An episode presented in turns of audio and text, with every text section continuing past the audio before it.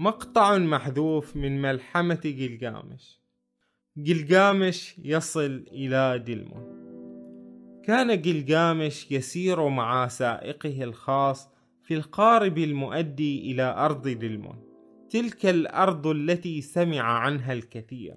سمع أنها أرض عجيبة كأنها قطعة من الجنة.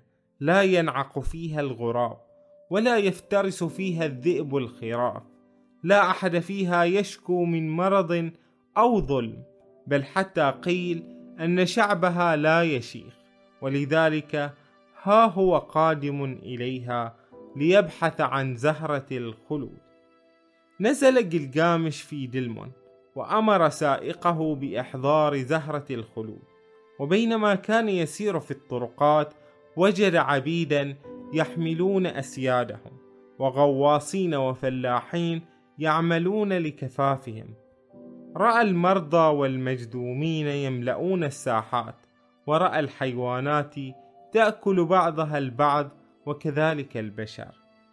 وبينما هو مشغول في همومه التفت أمامه فوجد جنازة تعبر إلى مقبرة واسعة. بدت عليه خيبة الأمل. أهذه هي أرض الخلود؟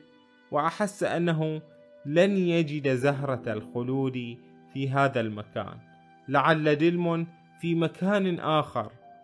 وبينما هو كذلك جاءه سائقه وقال له لقد عثرت على أوتو نبشتن جلجامش في حضرة أوتو نبشتن لماذا تطلب الخلود يا جلجامش؟ قال أوتو نبشتن هل من أجل أن تحكم العالم للأبد؟ وهل سيطيق شعبك العيش في وجودك الأبدي؟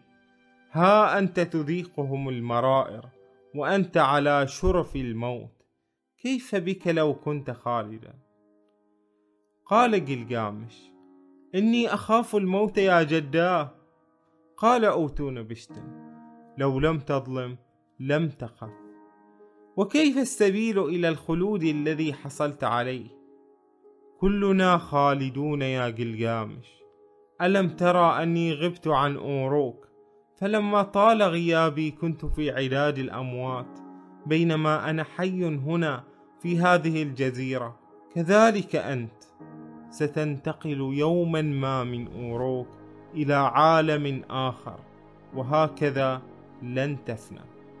إن عالم الدنيا لا يستحق أن تمنح فيه الخلود. ولو منحت الخلود فيه كنت كالسجين الذي لا يرجو فكاكا. أين أجد زهرة الخلود أيها الحكيم؟ سأل جلجامش وسرعان ما جاءه الرد. في قلبك. ومن أي ماء أسقيها؟ من عملك الصالح. وأي أفعى ستأكل زهرة الخلود؟ أفعى الشهوات. والآن اذهب يا ملك أوروك واجعل عاقبتك إلى خير.